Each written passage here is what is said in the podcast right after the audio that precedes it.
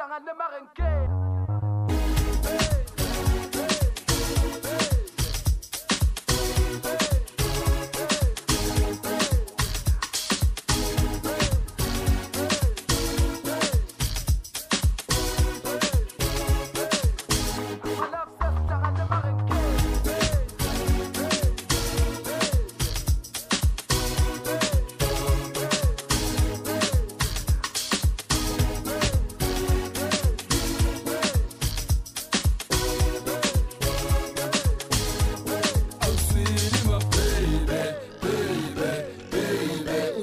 lungu mapema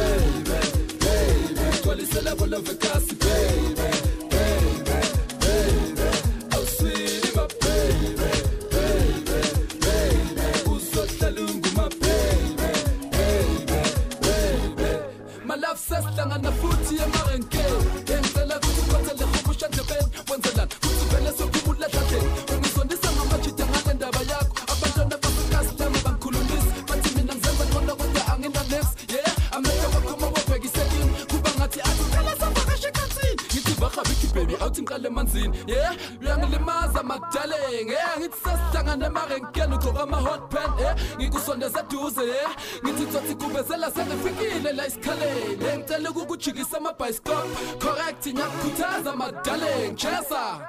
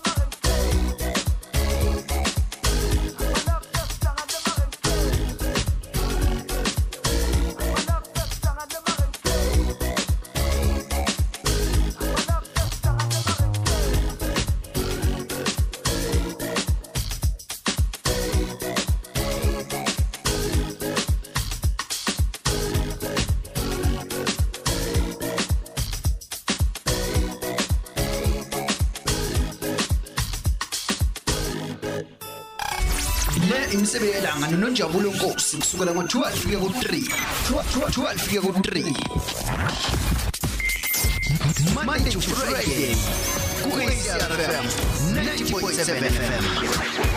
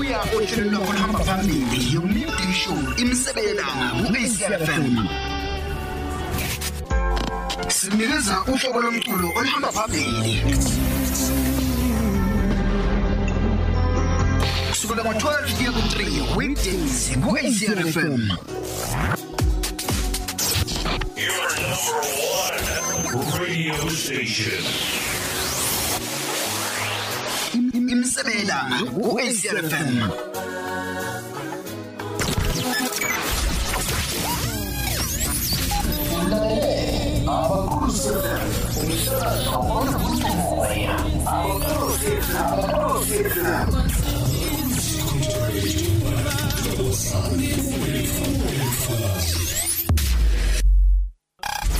le imisebe yelanga nononjabulo nkosi kusukela ngo-12 kuya ku-3 12 kuya ku-3 Monday to Friday ku-ACRFM 90.7 FM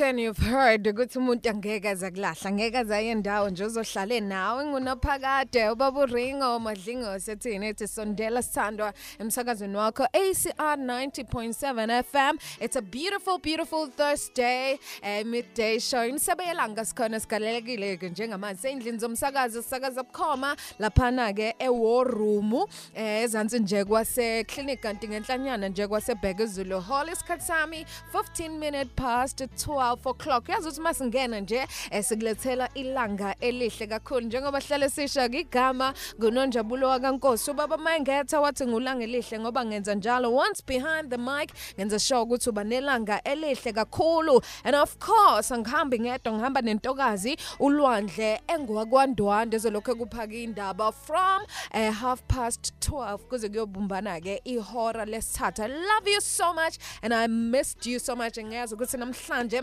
sizoba nohlelo olumnandi ngendlela eyisimanga. Lesine lolu lo mama bomkhuleko lesine leli esilithandayo sonke kuphi eh emasontweni nazo zonke nje indawo hope niyaphila ke kuzi 26 ezika August ku 2021 kuya ngokuya nje inyanga yabantu besifazane siyele emaphethelweni kodwa siyazi ke ukuthi siningizimu Africa siyathanda nje ukuthi sibabungaze all year round. So asikho isikhathi kahle kahle August kusuka nje kukusho nje ukuthi inyanga yomama. Uyayibona lento ekanjalo ngazi noma uyamazini something soweto mayethini mayetho mama bomthandazo. Ukudla kwakho zokuthola etafuleni kangingazo ukuthi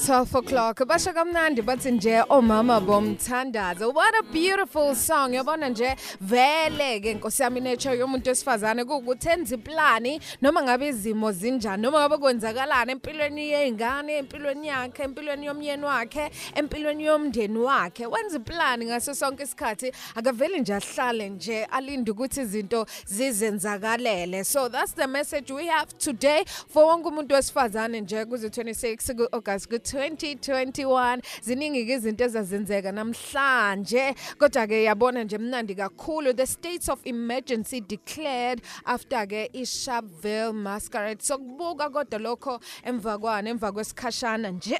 Kodwa into engifisa ukuthi siyenze ukuthi sigijime siye laphana eh ku social media ka Facebook ufika uthi msebeyelanga on ACR 90.7 FM okanye uye laphana ku ACR 90.7 FM official page. Yasithola uyasithola abaqulusi community radio station. Uyasithola futhi ke nalaphana kulange underscore lihle one on Instagram and on Twitter. Satholakala ke ngicabanga ukuthi we can safely start ini. Usuku lanamhlanje uyazi ukuthi ke sihlale sinazo ini eh imlando yezibongo silapho sibheka khona ukuthi sibonge sithile siqhamuka kuphi? Sibheka futhi ukuthi kanti bangobani kahle kahle? Lapho sibona khona ke connection namanye amalunga kuphi?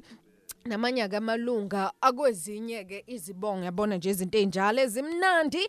And futhi ke into esiyenzayo namhlanje sobe sikuphake kamnandi nje on what's happening around the world. Ngiyabona nje ziningi kakhulu izinto esingakhuluma ngazo eh ezibalekile ngendlela eyisimanga. There's a lot happening laphana on the business side yakuphike yase SA njengamanje. Siyabona ukuthi cha izinto ke ziba nzinyana kodwa ke bazama ngokusemandleni ukuthi bayilungise lezo zinto. I hope ukuthi eh, niyaphila. I hope ukuthi ama conversation futhi esizoba nawo namhlanje azonakha. Ama conversation esizoba nawo namhlanje azokuvula ingqondo bese ke akufundise ezinye ke izinto obungakaze ke ucabange ngisho ukucabanga ukuzenza. So ukuthi nje eh, ukunyikazisa ini eh, ukunyikazisa kumqondo wakho khona sizobona ukuthi how far are you in terms of what? In terms of thinking. Ngiyafisa futhi ngiyakholelwa kakhulu ekutheni uma nje usanda kwazi into uyakhona ukwenzani uyakhona ukuthi research ngayo uyakhona futhi ukuthi ubuze kwabanye abantu ukuthi ngempela maku kanje kukanjani? I had an interesting conversation nje etexting kade ngigibele and ngiyacabanga ukuthi into le kumele siyikhulume kakhulu especially abantu besifazane. Uyabona nje eh ezinye zezinto siya asikhona ukuthi sizenze noma ngabe eh, sifisa kanjani ukuthi sikwenze lokho kodwa yabona masikhuluma ngezinto zabaphansi sikhuluma mhlambe eh, ngedlozi okubika kwedlozi umuntu wesifazane kwaZulu wayengavumelekile ukuthi ayenze leyo nto. Eh ngaphandle kokuthi ke eh, usuke esesele njani usuke esesele yedwa ke sekunguye vele.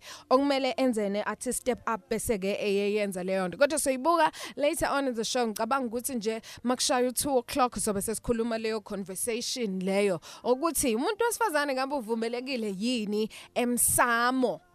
Uyayizwa manje lento esishoyo ukuthi umuntu wesifazane eh, uvumelekile yini ukuthi ashise impepha akhulume eh, nabangasekho akhulume eh, nabaphansi. Lokho nje ngifuna ukuthi sikhulume ngakho. Do you think we should normalize that? Ngoba yonke into ke yenziwa abantu besifazane eh, engazathi eyenziwa abantu besilisa engazathi sekufuna ukuthi ke eh, inormalizwe nabo bekhona ukwenzani bekhona ukuzenzela lezo zinto lezo. But we'll have a chat later on about lezo zinto ke kanjalo khona uzosijoina eh owazi kabanzi ngane wazi ngabanzi ke ngalezo indaba lezo. But for now kwakhona nje abantu laphana abahleli nathi engibabonayo nje abasithokozelayo ngendlela eyisimanga. Ngikhumbule ukuthi ungaya laphana eh, kuzino.com ilapho kuzosithola khona. We are streaming live esiphinde sisho futhi ukuthi i transmitter isendleleni.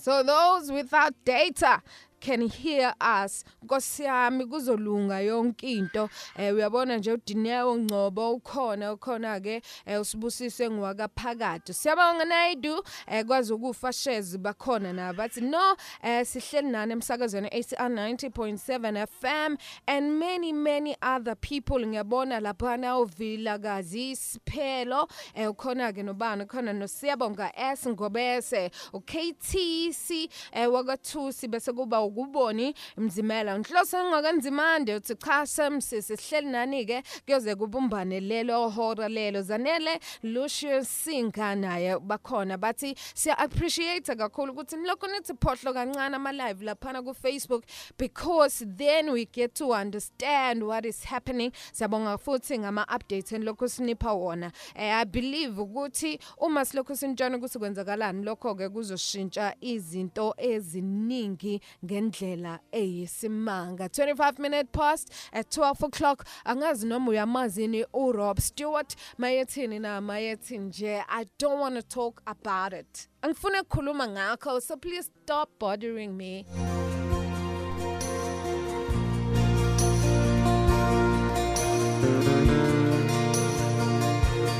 I can tell by your eyes that you've probably been crying.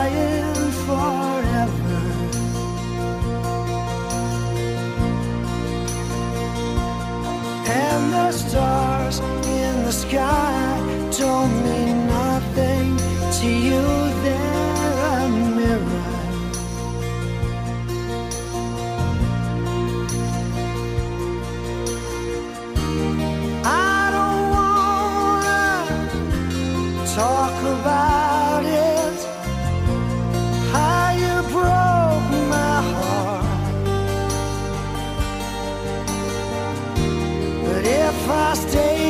Just a little bit longer, if I stay here, won't you listen to my heart?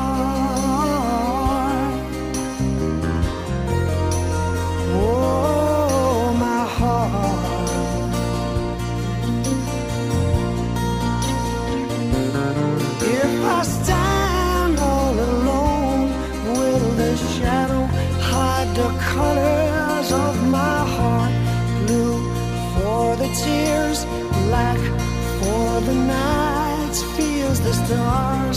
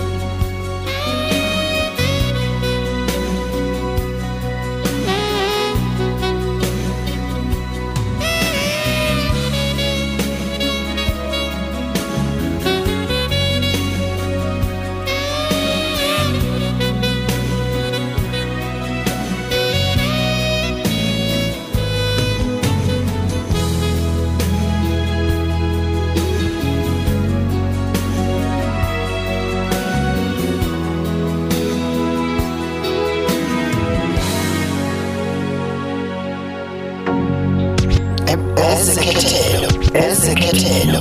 Ezekhethelo. Ezekhethelo umculo pholile ezekhethelo. Umculo pholile umculo pholile selungathwala izandla ekhanda cela ungamangala. Mina ngaxoxela indaba ongayazi. Engangithwalisa izandla ekhanda cela ungamangala. Sengahlale ngiphethe isithombe sakhe ephaketheni ngoba ngihlale nginethemba. Sengahlale ngiphethe isithombe sakhe ephaketheni phela inhliziyo yadumagcuma ngibona uyajabula umphefumulo kimufana nesibukwe ngathi ungahlala useduzena usungikhonzele bafweni uzubaxoxele ngelinye ilanga.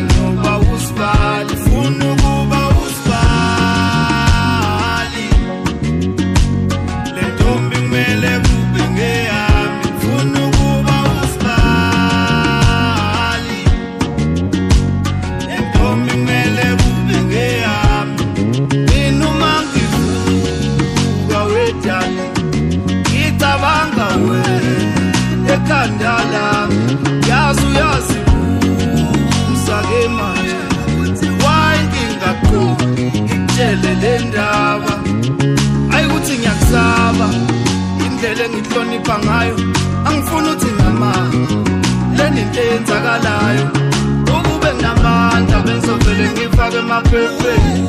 Vele uduma umhlaba wonke njengosheleni.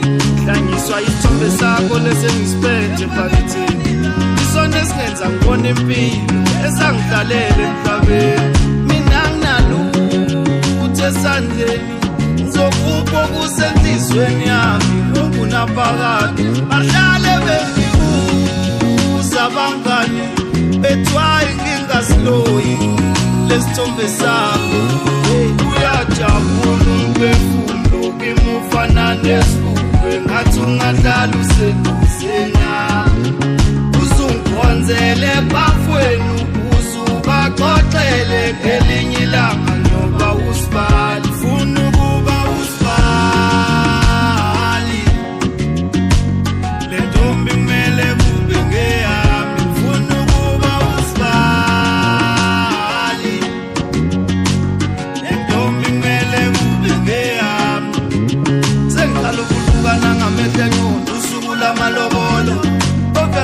Obviously ngizobe senginemali eningi ngiyowuspenda wonke umholo suyongixolisela kabomndeni mina ngizwane ikolodo. Mina ngiyabhadala. Sengisho ukuthi noma bengakhalanga uthando lakho lufana no-amen enhlizweni yami ufika njalo bangithandaza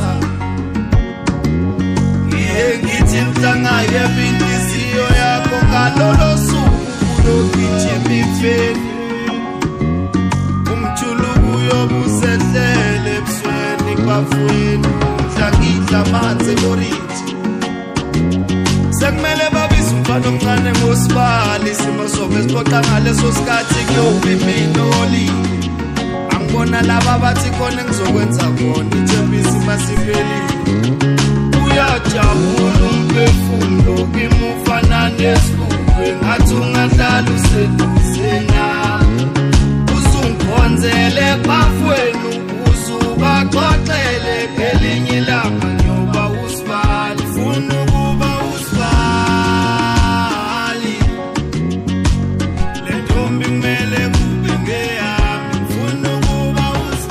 Kanti leyo ke intaba yasedubai mayesha kamnandi nje ethi sibale emsakazweni wakho acr 90.7 fm imsebe yelanga sihamba nawe nje kuyoze kubumbane ihora lesithathu. Igama kunonjabulo wakankosi and it's a pleasure ukuthi ngihle nani-ke njengamanje. Sikhongo-ke esicubungela izifo-ke ezithelelanayo kuleli national institute eh, for communicable diseases okuyi-nicd eh siyaqhubeka-ke nokubheka isimo ngokwenyuka-ke nokwehla kwezibalo zabantu abahaqwe yi-covid-19 lesi sikhungo-ke simemezela ukuthi izibalo zakamumva zabantu abahaqwe yileli gciwane leli azikhishwe eh, ezikhishwe ngolwesibili-ke zikhomba nje ukuthi bangu-10 346 abantu. Emahoreni angu-24 adlule abahaqeke yi-corona virus okuholela ekutheni izibalo eh lezi ke zabahaqiwe kuleli gciwane lezinyuke ngo2 million 708951 eh ngokwaleli ngokwalezi izibalo ke lezi eseyiphumile 18.6% wabantu abahaqwe yiCovid-19 eh kuleli ke abantu aba- abancane izibalo zamuva ke ziveza nje ukuthi abantu ababulawe yisifo eh ezi- eh, okanye izifo ke idala abagula i-COVID-19 bangu-369 okwenza ukuthi ke izibalo zababulewe yi-COVID-19 zenyuke ngo-79953 ngokwalezi izibalo ke izifundazwe ezinezibalo eziphezulu eh ngokuhaqwa ke coronavirus sibala khona kwaZulu Natal eh Eastern Cape base kuba yini? Bese kuba ke yi-Western Cape. Kulezi izibalo lezi abantu abanaleli gciwane kwaZulu Natal 31% bese kuthe Western Cape khona ke nase Eastern Cape izibalo zikhomba ukuthi u20% nje esifundazwe ngasinye. Gauteng ke bawu9% yasebe Free State bese kuba u7% eMpumalanga ke bona bawu5% eNorthern Cape bona se Northwest ke bangu 3% ifundazwe ngasinye futhi nakhona. Bese ke kuba ke iLimpopo bona ke nje bahlelele kamnandi ku 2% and I think it's a great shift ukuthi iGauteng ibuye ithole 9% bese kuthi abakwazulu Natal sesiyithi ke eh unumber 1 kwabantu abahaqwa yini abakhaqwa yiCovid-19 kanti njengoba besho nje bathi over the last 24 hours abantu ke asebethe eh batholakala ukuthi banama cases amasha weCovid-19 13251 right? Eh aba recover eleke from covid-19 ba more than 2 million. But let me break it down per province. The total number of infections are as follows. The eastern cape basebehleli nje ku 260100 and 100 bese kuthi laphana ke e-free state khona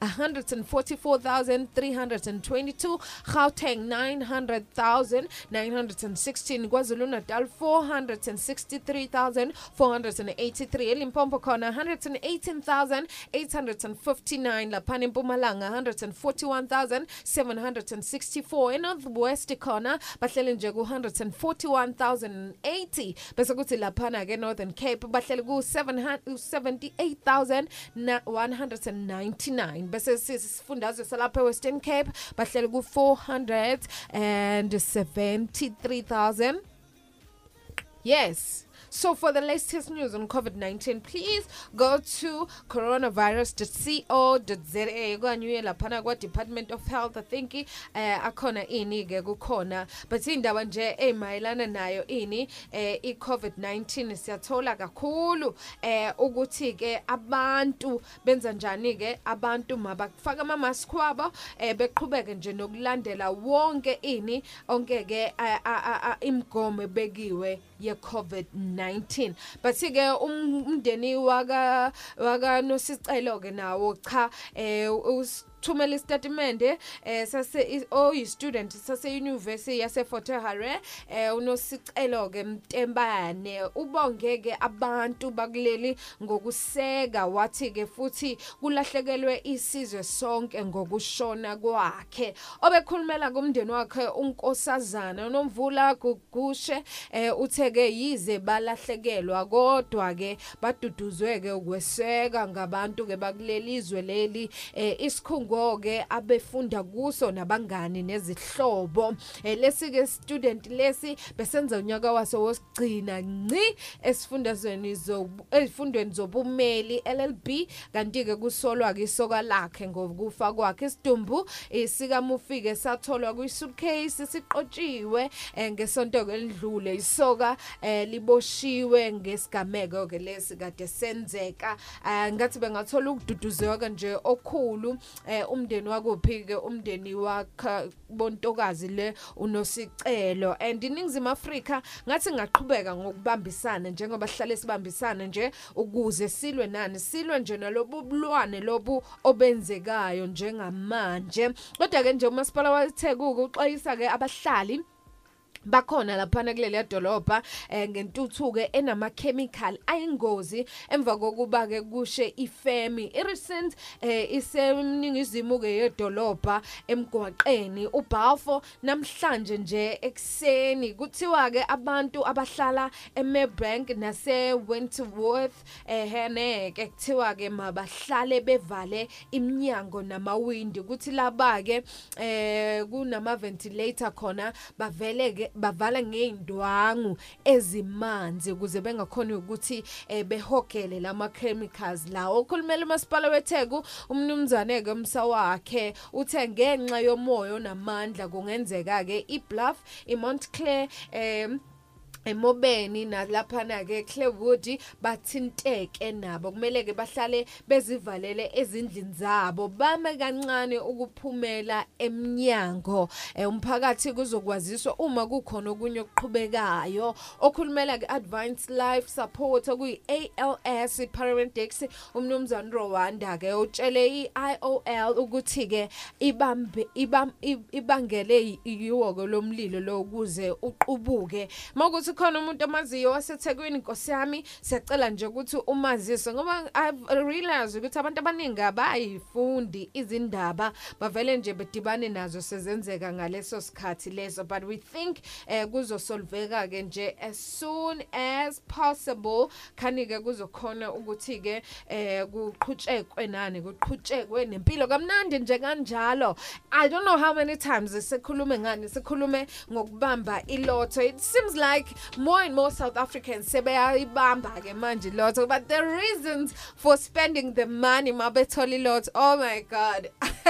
I i don't know what to say. Kodwa nje engazathi abantu uma eh bethola le mali le they have other reasons lapho bangayifaka khona. Kukancane nje lapho ubona umuntu uthi no i'm going to continue living impilo yami right. Eh it's either abantu bayaspenda kakhulu. Okanye nje they have awkward reasons why they want to spend okanye how they want to spend ini imali yawo umunye ke oyiseyitholile ke le mali le oyibambele nje eh ilotho. Yena ke izathi sakhe ke Hey Nkosi yami simnandi kodwa ubuye ubone ukuthi hayi cha umuntu omunye yazi ukuthi akathandi ukwamukela isimo ngendlela esiyikulo kuthiwa ke la obambilotho ke ufuna ukubuyisa inkosikazi eyadla eyadla phansi ke eh, ngesikhathi ke e- e- e- eyisichaka lo owesilisa waseTswana. Obambeke izumbulu ze-Powerball. Lomlisa ke lo ohlabaneke ngo-8 million we-Powerball uvezeke ukuthi namhlanje akakakhohlwa nokuthi uyena lona eh, osephinduke ini inkinsela emva kwesikhathi eside ewulopholo nje awu bakithi. Ukuba ke ukuba yisichaka eh, uthe bese kuze kwam kwa- kwangena nje egazini bese enganankinga. Futhi ke kwambalekisela ke nonkosikazi wakhe okhethe ukumshiya ngoba ke benganayo imali yokumnakekela nezingane zakhe. Ukuhlabana ke nezigidi lezi asethe wayithola uthe kuzoyishintsha kakhulu impilo yakhe akwazi nokubuyisa yena lo nkosikazi wakhe osewenze njani osethe nje wadla phansi. And this is my question to you. Abanga ukuthi nje mazithi 1 o'clock so bese sikhuluma ngale ndaba ke leyo yokuthi under what circumstances okanye eh u- i- iziphi izimo o- okumele uthathe back umuntu okade ke uzwana naye owakushiya njalo singakhohle ukuthi wakushiya ke uLB okanye uLove back usebenza kanjani bakwethu? Ikuphi lapho thi nje khona hayi cha ngamthatha back? Ikuphi lapho thi angeke umthathe khona back? So so iqhubeka ke le ndaba kakhulu nje uma senze njani uma sibuya nje kuleli culo limnandi lasamke mayetheni mayethi nje buya sithandwa ngoba abantu bafuna ukuyibuyisa ithandwa zabo. Abantu abafuni ukuthi balahlekelwe yinto for good. Bahlale njalo nje. Yey yey Sam,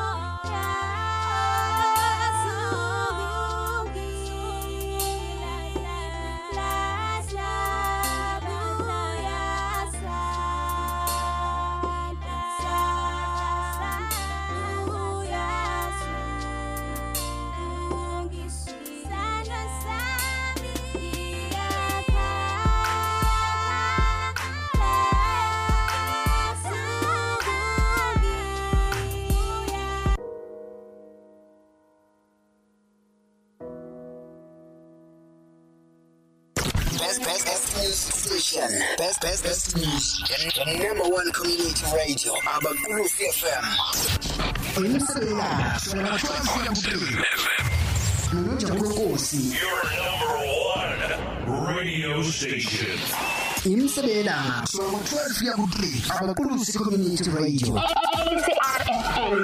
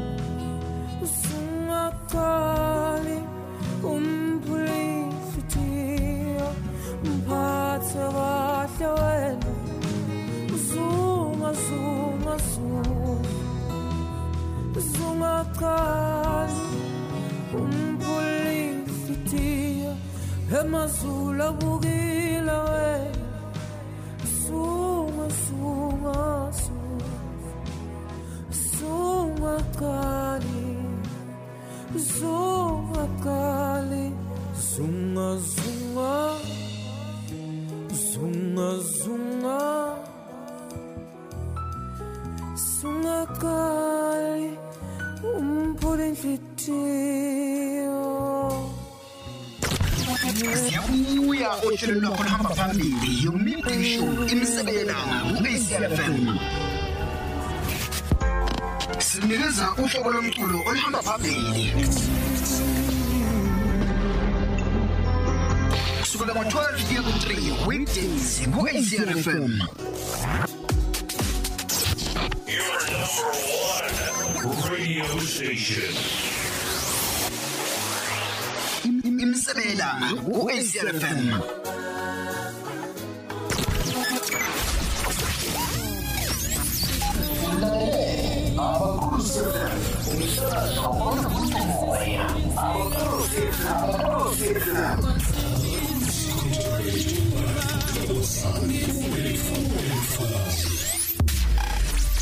imisebe yelanga noNonjabulo Nkosi kusukela ngo-12 kuya ku-3 12 kuya ku-3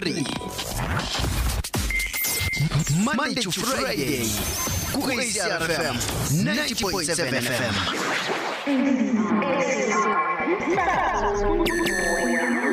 Sakazo umoya 9.7 ACR Sakazo umoya ACR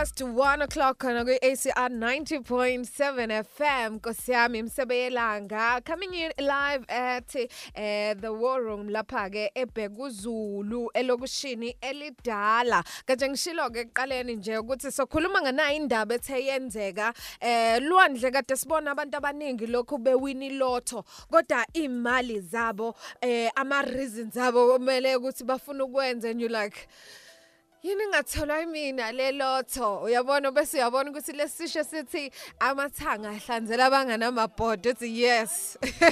Is it true? It's true ehe. So now lo mjita ke lo wasetswane eh uwini powerball. 8 million. Mhm win 8 million wonke uguy and he's been struggling a lot. He's been he's been struggling right? Eh uthi kunjani uthi kunjani? Uzoyisebenzisa kanjani? Qala asingaqale singene lapho ukuthi uzoyisebenzisa kanjani. But eh u- uthola i-powerball 8 million rands.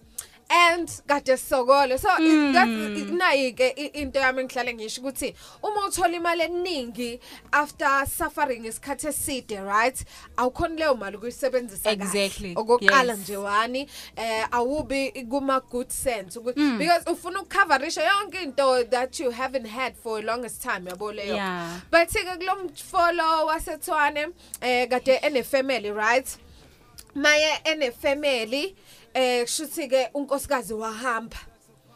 Like she Ngiyasokola. yes ngisok- ngisogolile right? Eh it's enough. And i think abantu besifazane banayo leyo nature. Noma kungasibo bonke abantu besifazane right? But umuntu wesifazane afuna nje ukuhlalela inhlupheko. It's like no eh ngayihluphekela ngiyi-one i don't need a man on top of that yabo, ukuze ngihlupheke. So uwife wakhe ke wathatha ingane wahamba wamshiya. Wathi no guy i can't. I Hhayi, can't ngeke, take ngamane it. ngisokole ney'ngane zami. Yes and then ke mayehamba kanjalo kanti akazi ukuthi uzowina i8 million lo.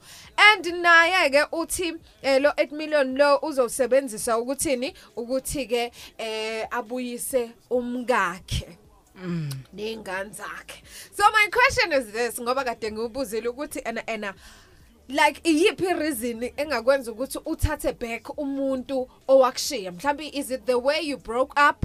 Okanye is it the way eh I don't know umthanda ngakhona lowo muntu eh noma i- izimo zalowo muntu asuke sekuzo ngaleso sikhathi akuzo yabo? Ngoba ngahluka omunye uthi eh hayi ngangivele ngithanda ukuthi ngangingakhonje ukuthi ngi- but umuntu okuthandayo se- sengaze nje ahambe impela athathe imithwalo yakhe ahambe. Angeke. Eh. amane siphuza amanzi sonke Eh sihlupheke sonke. Ngithi people talk about eh uh, humble beginnings both of us. Yes. we build an empire. Angaqhamuki nje sekhona izinto yabo. So I- those are conve- yes those are conversations abantu abathandayo ukuthi eh bebe nawo. So eh indaba ke khona abacommentile kuyona ukuthi Zalani but bengifuna ukuyifunda kuqala eh just to lay the foundation yabonga le ndaba le. Mhlawumbe omunye ngathi cha mina ngiyam understand uguy ukuthi yini enze lokho. Omunye athi nje hayi never i can't deal.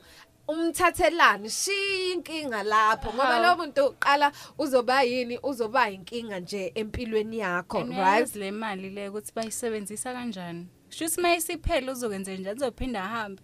Uyawazi i blew it Ah. uyawazi i blew it njabula uqede Ha. i-80 million in like a year In a year. and you like Nje. 8 million hey kahleni bafethu. Eh umuntu engathi uyagula. Ekuthiwa kufuna ukubuyisa inkosikazi yakhe eh eyadla phansi ngesikhathi eyisichako wesilisa wasethwane obambeka izumbulu zePowerball. Lomlisa lona ke eh uhlabane ngobani? Ngo80 million wePowerball. Eveza ke ukuthi namhlanje akakakhohlwa ukuthi uyena lona osephenduke inkinsela emva kwesikhathi eside ewulopholo nje. Ukuba ke eh, yisichaka uthe bese kuze eh, kumbalekiseleke nenkosikazi yakhe eh, okhetheke ukumshiya ngoba ke benganayo imali yokumnakekela nezingane zakhe. Ukuhlabana ke ngezigidi uthe kuzoshintsha ke kakhulu impilo yakhe ukwazi akwazi nokubuyisa ke inkosikazi yakhe ibuye izekhaya uthi ngakhohlwa ukuthi kwenzeka kimi. Okanye ngakholwa ukuthi kwenzeka kimi eh anginawo nje amazwi okuchaza indlela engizizwa ngayo. Bewunyaka ke onzima lona unkosikazi wami wangishiya eh ukuqala unyaka ngoba ke ngingenamali ngifuna ke ukumbuyisa ngiqale kabusha impilo naye. Ngakheleke ingane zami ekhaya lamaphupho ami kusho lomlisa ke lo. And i know ukuthi abalisa abaningi angeke beze beyivumelana it's like you can't buy. Nje, vele, awungeke. next next yabo? So i think ukuthi kunengane phakathi mhlambe ke singasho ukuthi oh okay. eh,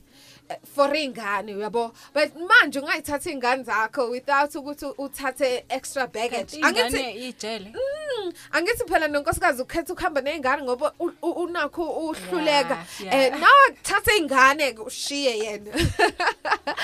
Hey cha uthulani ke phungashe uthi hey angihleki ngiyalinganisa nje nkosi yami. Unazile na? Uthi uyabona ke ukuthi eh, iqiniso alikho ngempela. Uzobuyisa lowo Uh, uzobuyisa loyo then umuntu ebephila nayo sonke lesikhathi ahlaleleke indlala yena. Eh uzomenza njani? Eh maye njani?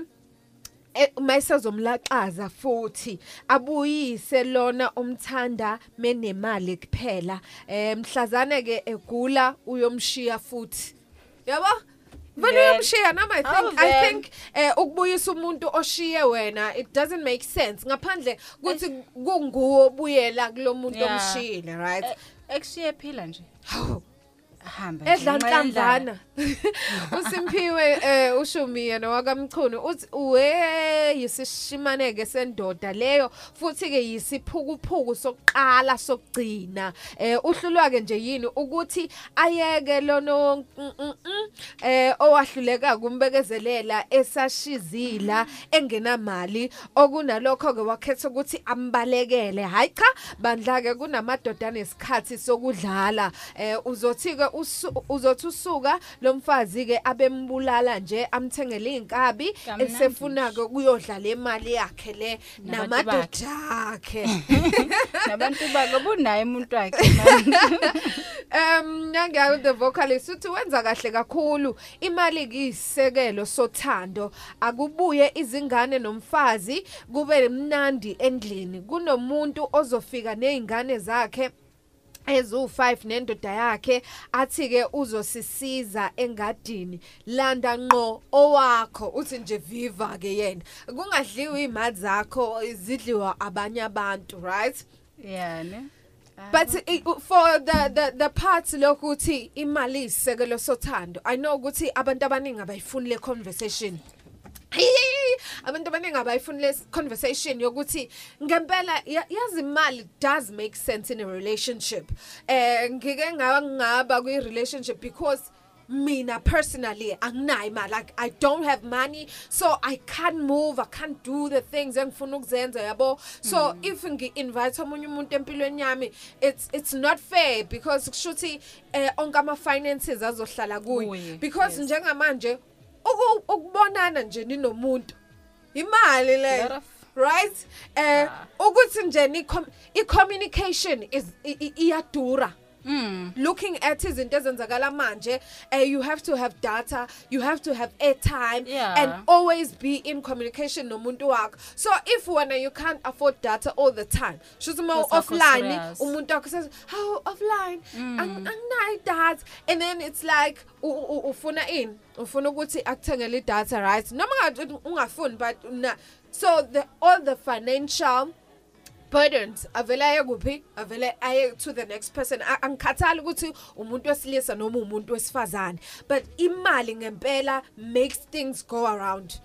Yabo uma ungenamali your life is stagnant. Imile impilo kanje like you don't have money you can't think futhi uma ungenamali. Kakhulu, you can't kakhulu. even wake up ekuseni you're like oh why am i waking up? Anginayo imali uh, you can't even go look for a Yeah. job right? Because khona khona ufuna umsebenzi it requires money right? Yes. so saying eh eh ukuthi i don't know who's calling but saying eh imali somehow is the found angisho ukuthi everything now then relies on money but when you have it- money in the relationship it's easy right? That's easy, why yeah. amajita amaningi now they prefer dating umuntu osebenzayo than umuntu ongasebenzi because it's less stress.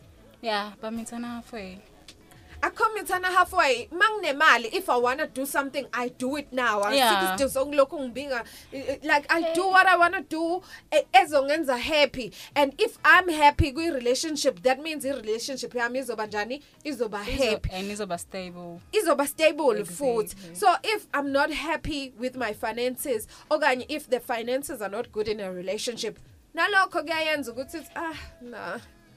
I can't deal th- with that. So ngiya ngiya understand why yathi ena eh imali vele iyisekelo sani iyisekelo. Sothando. not sothando se relationship uthando lingathanda noma lingenamali uthanda likhethi uthanda lumnene uthanda ye ye ama Corinthians yabo aluyikhukhumezi what what. But a relationship ke ukuthi iye phambili. It, it, it requires ukuthi kube khona imali lapho. Yes. especially long distance relationships. Mawukuyi long distance you can't just say Vele, i miss vele. you kuzothi gibela Gibela phela. abani anginamali. Yabo lento kanjalo so i- i- i- iqiniso la ngempela but ukuthi uze uyolanda umuntu okushile ngoba nakho usunama million ngoba uthi hey hey sikhona thina. Bafethu manithola ama million sikhona. Kodwa Please use angiyena them. angiyena umakoti wakhe lo muntu lo wena washibashi unomis unomusa charity eh kamacala uthi kusa kuzosa Oh uthi kuzosa efile ke yena ngoba ke lo mfazi uyajola nje lapha khona eh uzobulawa ke kuthathwe imali eh utsha- utshani obulele buvuswa ngomlilo eh umalibongo khehla mkhonto uthi eh buya mfazi uzodla imali unenhlahla wena. Nawe ke kuyofana nokuthi ke eh uyiwinile lelotho lwena. Eh ho vele. Mangifuna into nje ngiyayithola. Eh, like ngihlekisa ama comments yazi ukuthi eh abantu banama ideas angafani. Ulungelo eh yena ke uthi futhi wenza kahle ke kunokuthola ozodla leyo mali ajike ayebe abaleke. But i feel like bayafana. Nayo iyafana. umuntu lona obaleka ingekho imali. Yey. Be careful. Nje? Be careful nje ngendlela eyisimanga. Shakina mayethini mayethi nje please Mr 16 minute past 1 o'clock.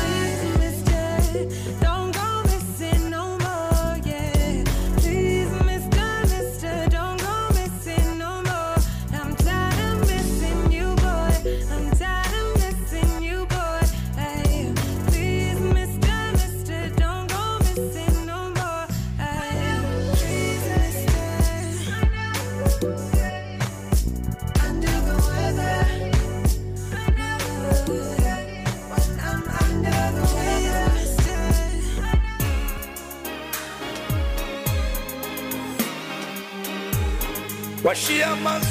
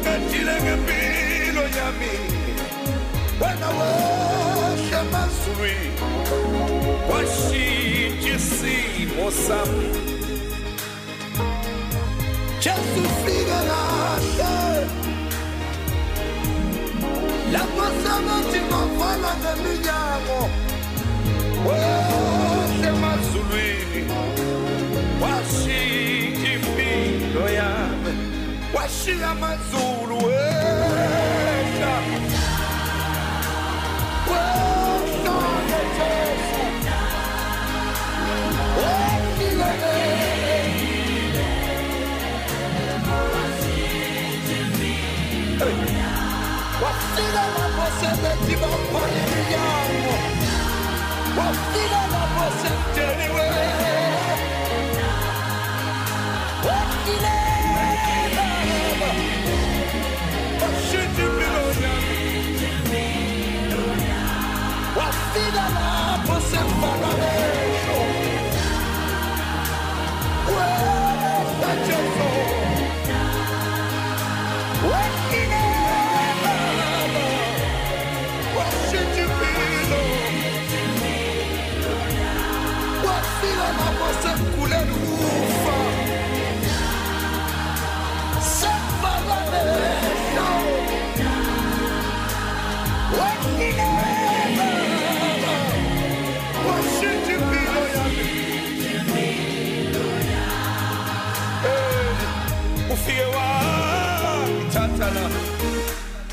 wangibeka la waseyangiphakamisa wehlile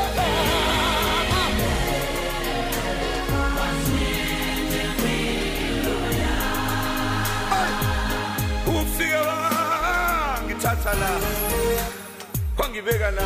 Waseyangiphakamisa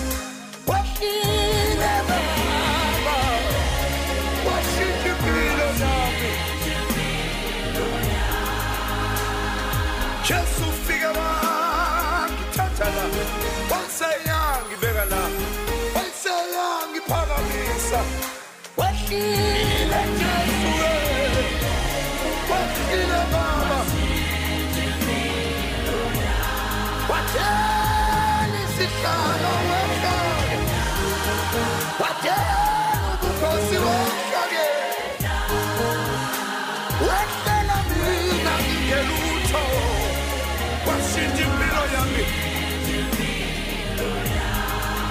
Jesu wehla emazulwini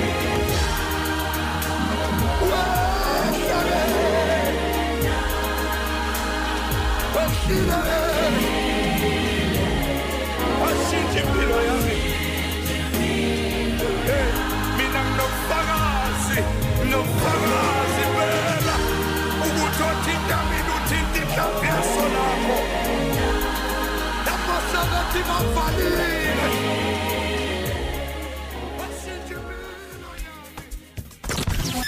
siyabuya ohlelo lwakho luhamba phambili. Yomidday show imsebelanga ku-acfm sinikeza uhlobo lomculo oluhamba phambili. Kusukela ngo-12 kuya ku-3 weekdays ku-acfm Your number one radio station. imisebe yelanga ku-acfm u-H Abakhosi abakhosi abakhosi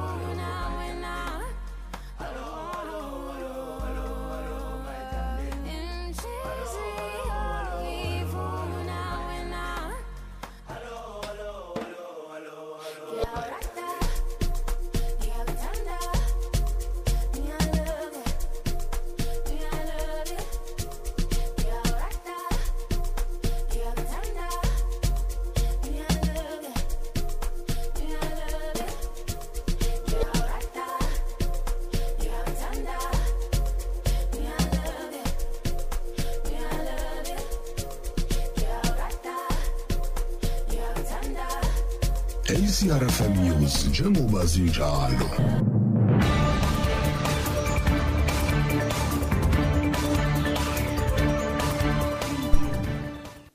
amanqampunqampu ogamanxa kwehora lokuqala ufundelwa nolwandle wakandwandwe sawubona mlaleli.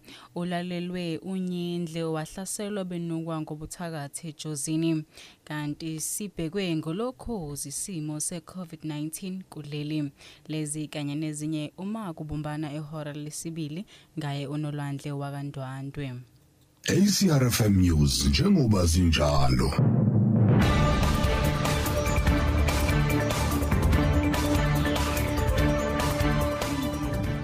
Nizobona ngobobo. Ubavela laleli Nizobona ngobobo Bantu bami Ubavela laleli nje. Nizobona ngobobo We Ubavele yanizwa nizobona ngobobo we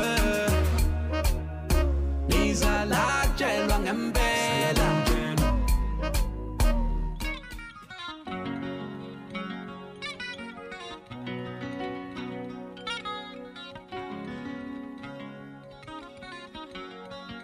Handikwanise kumutaurira kuti mwana ndamuchakuda ini pasi pemwoyo ndichimuda siyana naye iwe. Tisiyana naye. Siyana naye. Handikwanise kumutaurira asi iwe siyana naye. Usukalela usuka khona. Uzongitshela le nto ngitshela yona. Angikuzwa futhi. Angikuzwa futhi siyana naye. Usukalela usuka khona. Uzongitshela le nto ngitshela yona. Angikuzwa futhi angikuzwa futhi. Ngathi siyana naye. Uthi kimi mina siyana naye. angihlukane nentombi naphane yakuyala kanjani? Siyana naye. Ngoba intombi ayaliwa siyana naye. Uthi kimi mina angihlukane nentombi yakho. Ngizoyala kanjani? Ngoba intombi ayaliwa andikwanise sukalela usuka khona. Uzongitshela le nto ngitshela yona. Angikuzwa futhi. Angikuzwa futhi. Athi siyana naye. Usuka lena lapho usuka khona. Uzongitshela le nto ngitshela yona. Angikuzwa futhi. awuphinde siyana naye. Uthi kimi mina angihlukane nentombi uzoyala kanjani? Ngoba intombi ayaliwa uthi kimi mina angihlukane nentombi yakho uzoyala kanjani? Ngoba intombi ayaliwa uthi kimi mina. Angihlukane nentombi yakho izoyala kanjani? Ngoba intombi ayaliwa nje kanti yona yazi ukuthi intombi yakho ngoba ngabe izwe ngayo ngabe izwe ngayo kanti yona yazi ukuthi intombi yakho ngoba ngabe izwe ngayo ngabe izwe ngayo. Handikwanise kumutaurira kuti mwana ndichakuda pasi pemwoyo ndichimuda iwe ndati siyana naye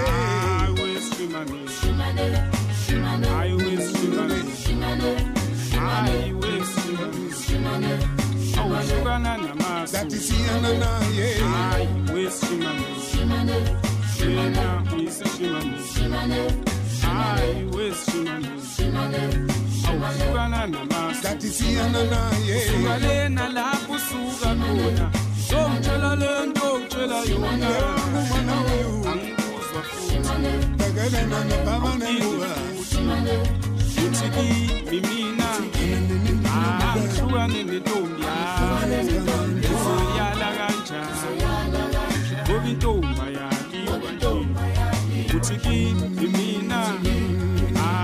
ngihlukane nentombi yami ngizoyala kanjani ngoba intombi yami yazi.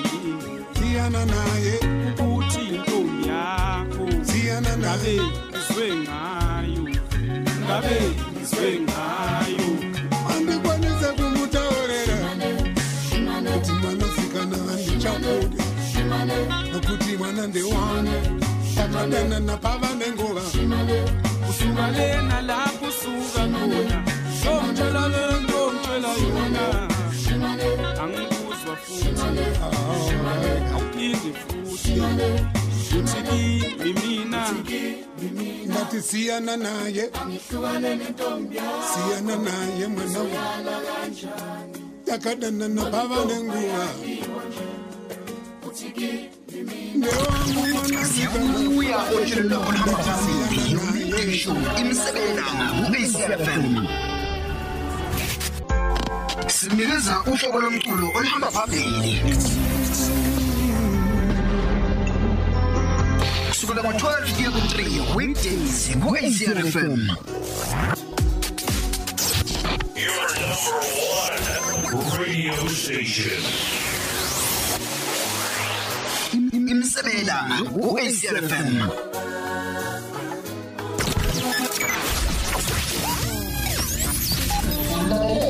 Abacus FM.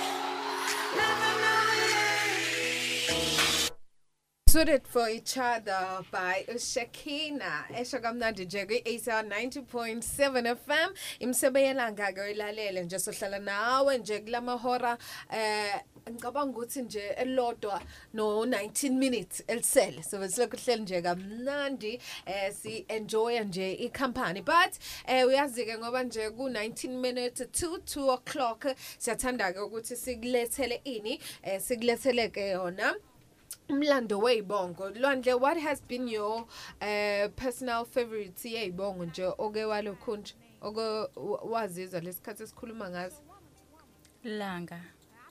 Langa? Mm yakhamba langa? Yes.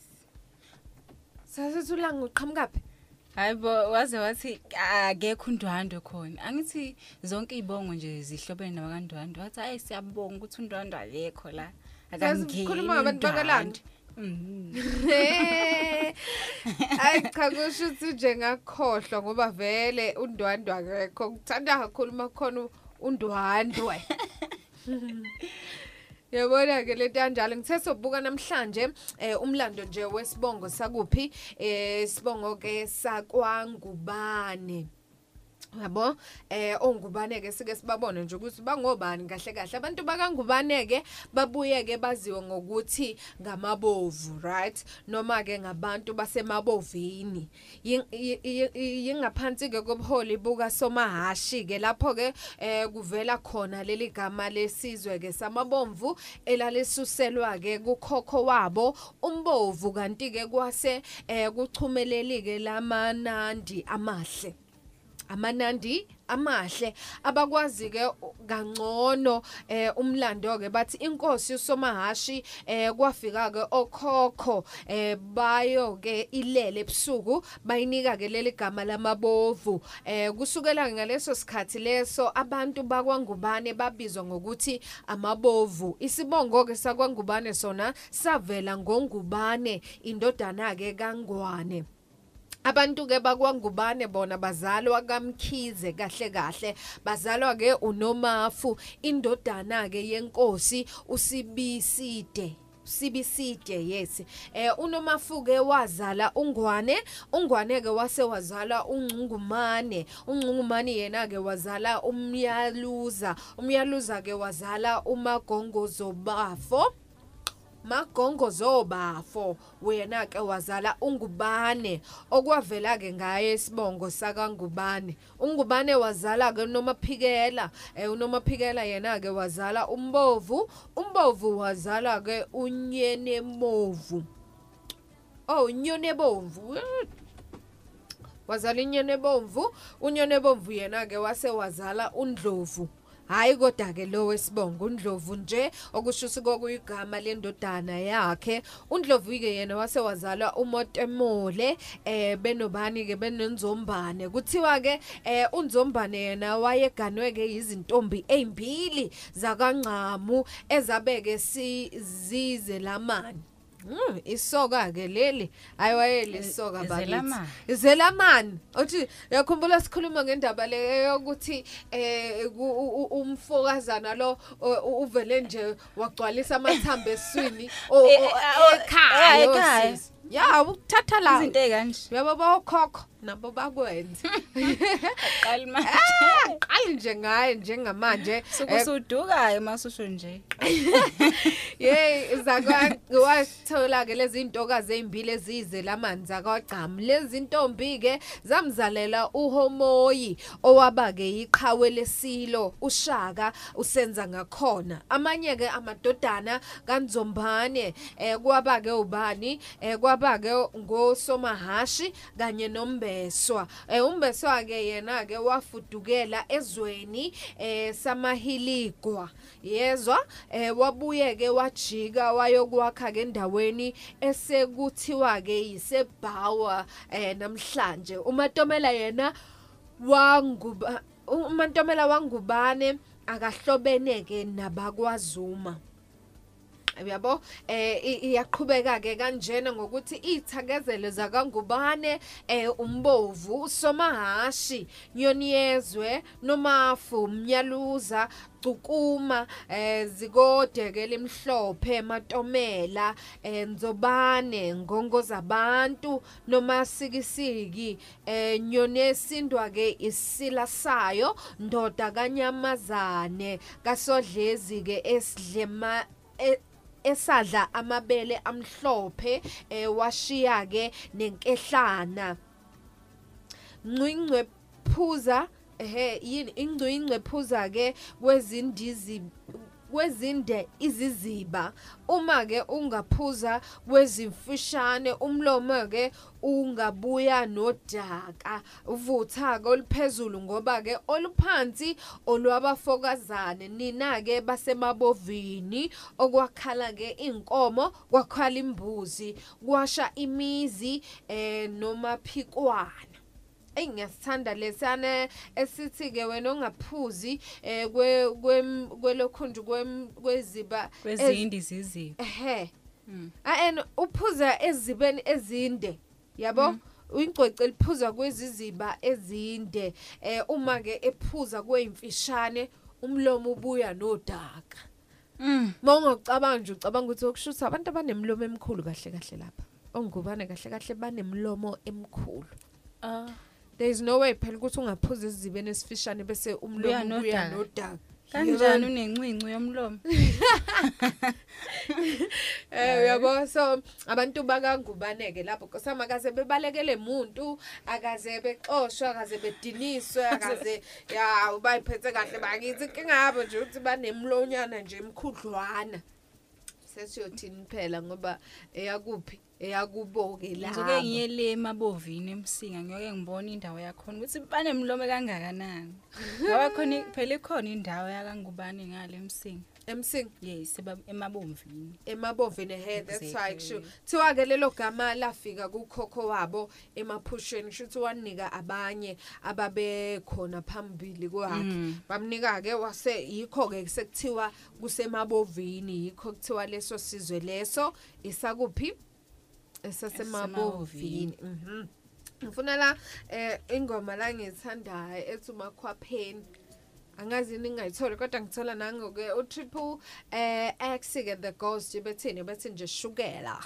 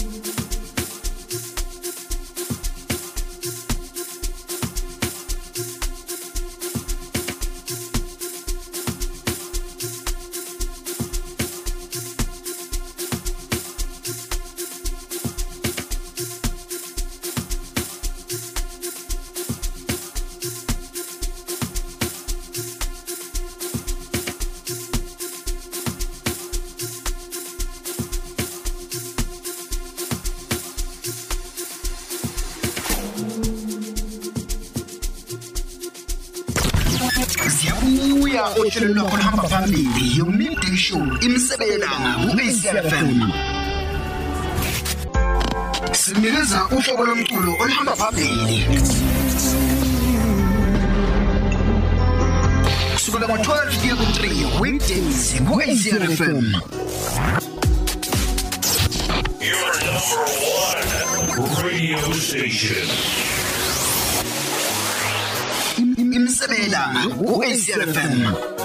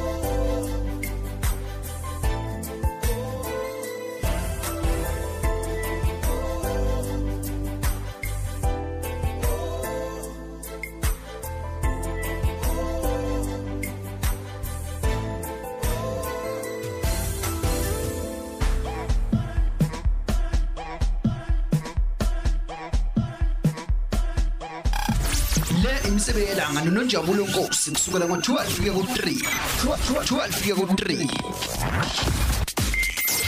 Monday to Friday. ku-ACRFM 90.7 FM ACRFM News njengoba zinjalo.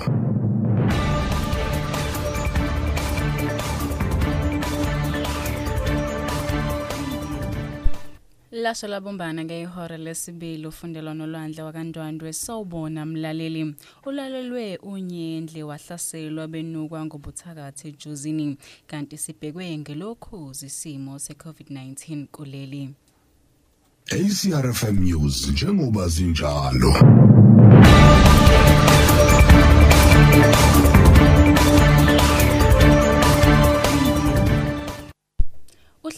Ovalweni umndeni wakamafuleka ejozini endaweni yasekulingweni kulandela ukuhlaselwa kukababa wekhaya albert mafuleka oneminyaka elinganiselwa kwengamashumi amahlanu nanhlanu olalelwe unyendle maqede wahlaselwa washona esendleleni ebheke ekhaya ngomsombuluko. Kanti indodakazi kamufu sithozile mafuleka ubike ukuthi lokhu kudalwe izingxabano zomndeni zokunukana ngobuthakathi. Kanti induna yale ndawo umnumzane Samuel Buthelezi noveze ukuthi u- ukhathazeke kakhulu ngalokho okwenzakalayo endaweni ayibhekile. Wathi bona njengabantu abahlala eduze nomphakathi abanelisekile ngendlela uhulumeni asebenza ngayo kanti futhi nanokubulawa kwabantu kufikela kubo kuqala njengobuholi bomdabu. Kanti ubuthekelezi ugxeka izidakamizwa kanti ubike ukuthi ukuhlala kwentsha engasebenzi libale izidakamizwa yikho kunomthelela lo- kulesi senzo. Kanti uyafisa nje nokukhuthaza abantu abazali abayeke ukufunza izingane ushevu uma becasukile kanti benuke abantu kuphele lento ngoba kunjenje nje nama- namhlanje ingenxa yalokho. Kanti isikhungo esicubungula izifo esithathelanayo kuleli i-national institute for communicable diseases siyaqhubeka nokubheka isimo sokwenyuka nokwehla kwezibalo zabantu abahaqwa yi-covid-19 kuleli. Kanti lesi sikhungo simemezele ukuthi izibalo zakamumva zabantu abahoqwe i- yileli gciwane ezikhishwe ngolwesibili zikhomba ukuthi bangu 10,346 abantu emahoreni angu-24 adlula abahaqwe yi-corona. Okuholele ekutheni izibalo zabahaqwe yileli gciwane zenyukele ku-2 million. Kanti ngokwalezi zibalo u-18.6 percent wabantu abahaqwe yi-covid-19 kuleli. Kanti izibalo zakamuva ziveza ukuthi abantu ababulewe yiko- yi- yilesi sifo esidalwa yi-covid-19 bangu-369 osekwenzeke ukuthi izibalo zababulewe yi-covid-19 zenyukele ku-79,953 umholi we-NFP ose osekuphele isikhathi eside ngabonakala emphakathini unkosikazi Zanele Kamagwaza Msibi ukulungele ukukhankasela ukhetho lohulumeni basekhaya luzayo kanti lokho kuvezwe yilo- yileli qembu lithi lizofolosa kangaye uma selikhankasela lolu khetho. Leli qembu liveze ukuthi unkosikazi Kamagwaza Msibi uzobonakala ezindaweni eziningi ezahlukene uma sebeqale umkhankaso wabo. Kanti kunesikhathi eside agcina kubonakala emphakathini unkosikazi kaMagwaza Msibi njengoba engakaza lulame ngokuphelele kusukela agula ngo-2014 kanti ukugula kwenze ukuthi unkosikazi kaMagwaza Msibi angabonakali ngisho iqembu likhankasela izinketho ezidlule. Kanti unobhala walenhlangano umnumzane Kanyan Mdletshe uthe isimo sikankosikazi Msibi sesingcono kakhulu kunakuqala. Kanti kulokhu leli qembu likwazile ukuvika ihlaze labhekana nalo ngokhetho lohulumeni basekhaya lwedlule lapho lahluleka khona ukukhokha imali yokungenelela ukhetho.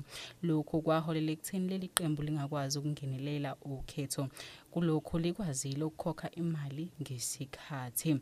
Kanti oluthe lwahlabela phambili kuleli hora ulalelwe unyendle wahlaselwa obenukwa ngobuthakathi ejozini lezi kanye nezinye uma ngamanqampunqampu gamanxa kwehora lesibili ngaye unolwandle wakandwandwe ACRFM News njengoba zinjalo.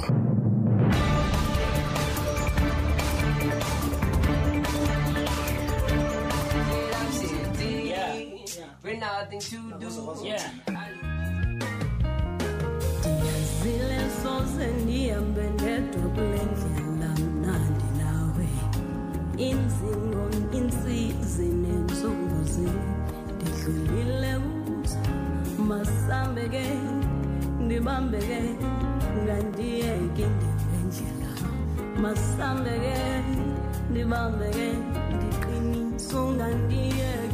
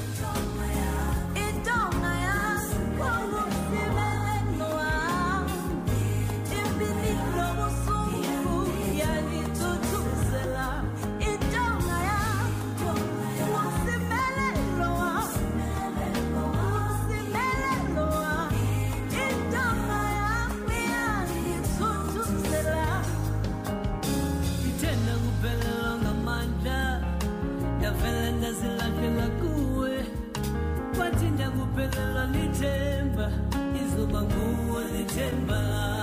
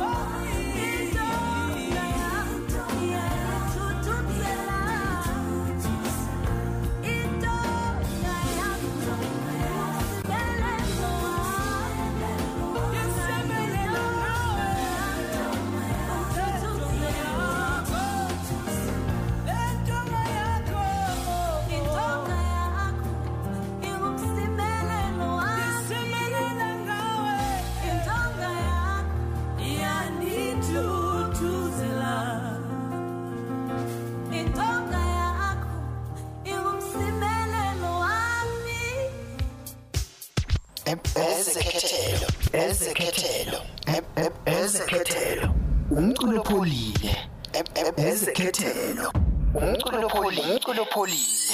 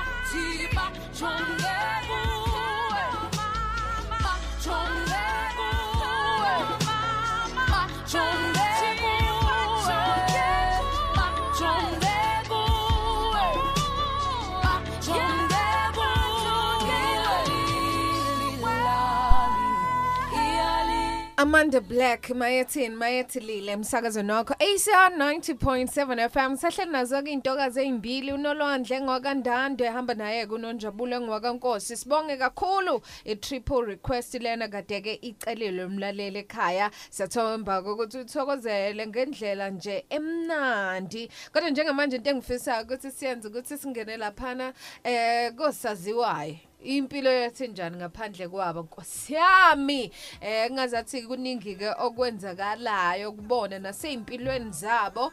Eh ngiyakhumbula nje sithinta indaba ka Babes mngani. Thi hayi mm, akaneme neze neze.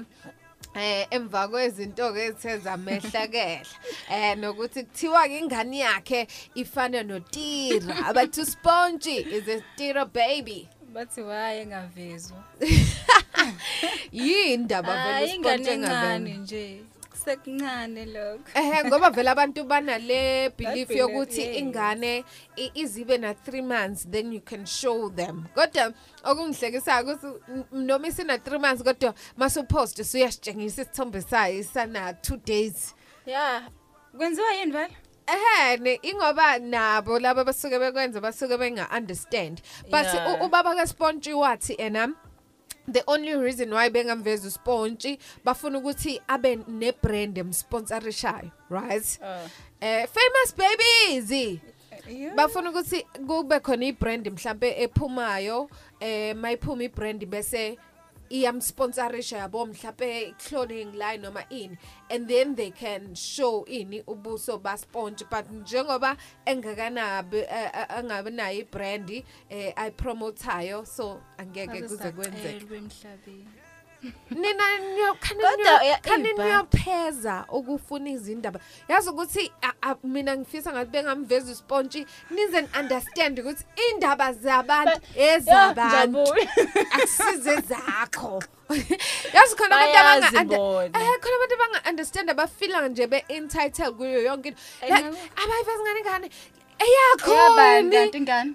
like wa- wadleka nje kwenzakaleni? kuwe? ngifihla ngesitika sabani ngefoni ngabani abantu kumele ba-understand ukuthi indaba zabantu ezabantu. Nje? Akusizo nje zakho. Wena uyamukela mase unikiwe uthi awu oh and move Akuphawuli. past and nakhona nje ukuphawula kukho right. Move past akusindaba yakho. Ngempela. akusiyo nje indaba yakho. Kodwa kuthiwa emva kwesikhathi ke side bekezeleleke ukugcotshwa okanye ke ukugconwa eh kuka DJ Tira ngokuba ke uyise wengane yakhe. uBabes odume ke sephumela obala ngalezi insolo uBabes ke uphumela obala nje namuhla eh wasu- usuku ke lokuzalwa luka Tira. Imiyalezo ke yokumfisela usuku lwakhe ilokhu nje ingena idedelana. No Babes akasalanga ke ngaphandle njengoba ke eze wa- wanameka isithombe eh zabo ke bobabili. Zamzukwane. Yilapho ke kusuke khona umsindo. Abantu bethi evele ke ufisela uyise wengane yakhe usuku oluhle lokuzalwa. uBabes ke ukhala ngezinga ke lokungahloniphi kwabantu eh nom- nomonakalo ke abangawenza emshadweni kaTira eh, ngalezi insolo ke lezi. Kukhona ke konke eh okwenzakalayo. Lo mculi lona uzwela uzwela ke unkosikazi ka DJ Tira. Uthi njalo nihlezi nithi ingane kaTira uthini nje umfazi wakhe uma nikhuluma kanje niyadina nina ngesinye isikhathi. Uma nje ungazi ukuthi uzothini cela uphume eh, lana okanye kuyipage ke lapha wayephendula khona kwa Facebook wakhe. Yize ke esephumele obala ngemizwa yakhe ngalokho abanye ke basaqhubeka ke nokwenza ihlaya. Bakhona nje abazwelana nayo kodwa ke kubanye eh abathi ke nje ukhuluma nje ukudunga ingqondo kamapintsha ukuze anganaki.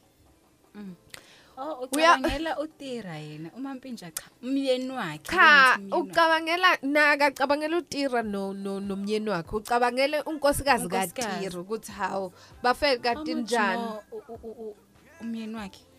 No it's fine ngoba uyazi like i- bona ba fine uyabona nje umama sponge nomama sponge so abayi relaxele akuna stress kubona so yena uthi akanandaba but people Oh, yeah. keep telling her leyo nto leyo so kuthiwa babodwa ke abathi uBabes noma Mpintsha abaveze bayive abavele bayiveze nje ingane ngoba ke bazoqhubeka nokukhuluma uma bengakayiboni Mm. people eh kukhona unemployment eningizimu Africa eh kukhona i-teenage pregnancy eh kukhona i shortage yama sanitary pads eh kukhona i-corruption kukhona i-coronavirus kukhona ama divorces and failed marriages. Ne-corruption engaka eSouth Africa. E- eSouth Africa mfethu. Kukhona abantu abalimale ngeingozi kukhona abantu abaqala ama business kukhona abantu bese kuba khona abantu nje abaloku bethi akuvezwe usponge. Yeah like ngempela. Are we Hayi. going through that? As And- South and- African citizens. Sinjalo phela thina. Hey. Ayi cha kodwa ke kwezimnandi ke indaba eh siyamazi ke sonke uSilo Mike right? Eh odlala lapha ke oh previously playing at the Queen. Eh siyamazi nje ngomsebenzi omningi wakhe okuvela kumabona bude Eh kuthiwa zingase zushayeke maduze komunye weinkakha zabalingisi bakuleli odume kakhulu kwi generations usilo makeke kancube uveze ukuthi usecele ukushada nesithandwa sakhe uPearl Mphombewe. Kakuhle kakuhle ke lezi thandanike zama- zamangaze amabili ziphumela obala ke ngothando lwazo. Emva kwesikhashana ke esingatheni eh, baseke baphinde benza njani baseke bathembisana umushado ilokho ke yabo. kade ngifuna Yeah. singene kukho eh eh etaxini la kade ngigibele nolwandle kade ungekho so eh kade sikhuluma ke nje yabo kade ngigibeleni nezintokazi nje ezi right eh nomqhubi waye ikhumbi naye cha kade Mm, right impela. So you know lento yokuthi mawuse taxini you can't start a conversation niyasaba ngisho ukukhuluma what what but le text bengikuya bekhipho kwangempela so kukhona eh, usisi ngikhohliwe ngathi uthandeka noma uthembeka. Right? So u- usho ukuthi uye emshadweni uzoba isitoromisa wara wara wara wara and then i-conversation ya-escalator ke yaze yafika ekutheni hhayi abafana the boys abasafuna ukushada amantombazane the girls, girls. right? Because of le reason okuthiwani okuthiwa usuke usafunda umuntu. So this is our afternoon discussion right? Ukuthi eh ku- isikhathi esingakanani lapho ongakhona khona ukuthi ufunde umuntu like how many years is that before ucela umshado? Ngoba sesibonile ukuthi abanye bavele nje behlangana after a short while abantu hayibo naba becelana Seziyawushaya. umshado seziyawushaya njalo njalo eh uyabo? So bekhulunywa ukuthi mm, mm, abafana the boys abasafuni u- ukushada amantombazane the girls ngoba bethini? Ngoba bethi ke bafuna ukuthi bebafunde kahle. Afuna umuntu ukuthi ayifake eh emntweni kodwa eh engabe yazi ama true colors akhe.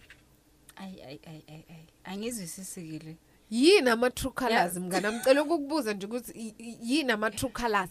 If Yazi- you were to explain uh, to a person ongazi njengamanje ukuthi nje umuntu mayethi ah ungitshengisa ama true colors wh- what is that statement? Yazi usuke ethini umuntu lapho? Mhm i think i- u- umuntu usuke pretender es nje esikhathini e- esisemuva Mhm. then bese umuntu ke yayiveza ukuthi mina nginjani ikhanda lami linjani?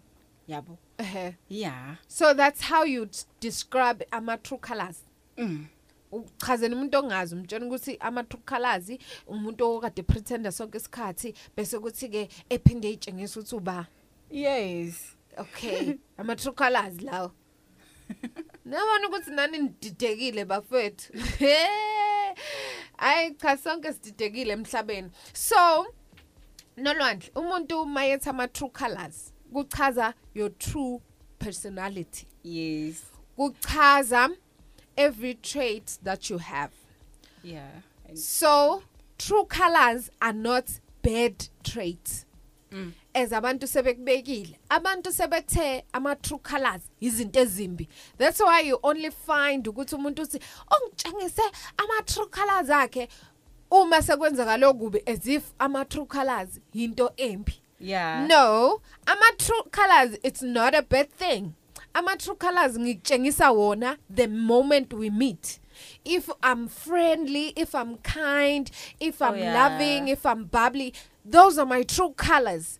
But inkinga ukuthi i won't show them at once. Oh yeah. Because mhlambe eh, isimo esihlangane phansi kwaso let me say uh, it was a happy environment. Mm. and then when i met you you were happy you were smiling you were good. So those are your true colors. We can't change that. Yes. and then if we met under my circumstances athini athi mhlambe bekandisifo eh ngishonelwe. So that time the true colors engiwavezayo is of sadness, Sadness, is yes. of grief. Yabo lento kanjalo.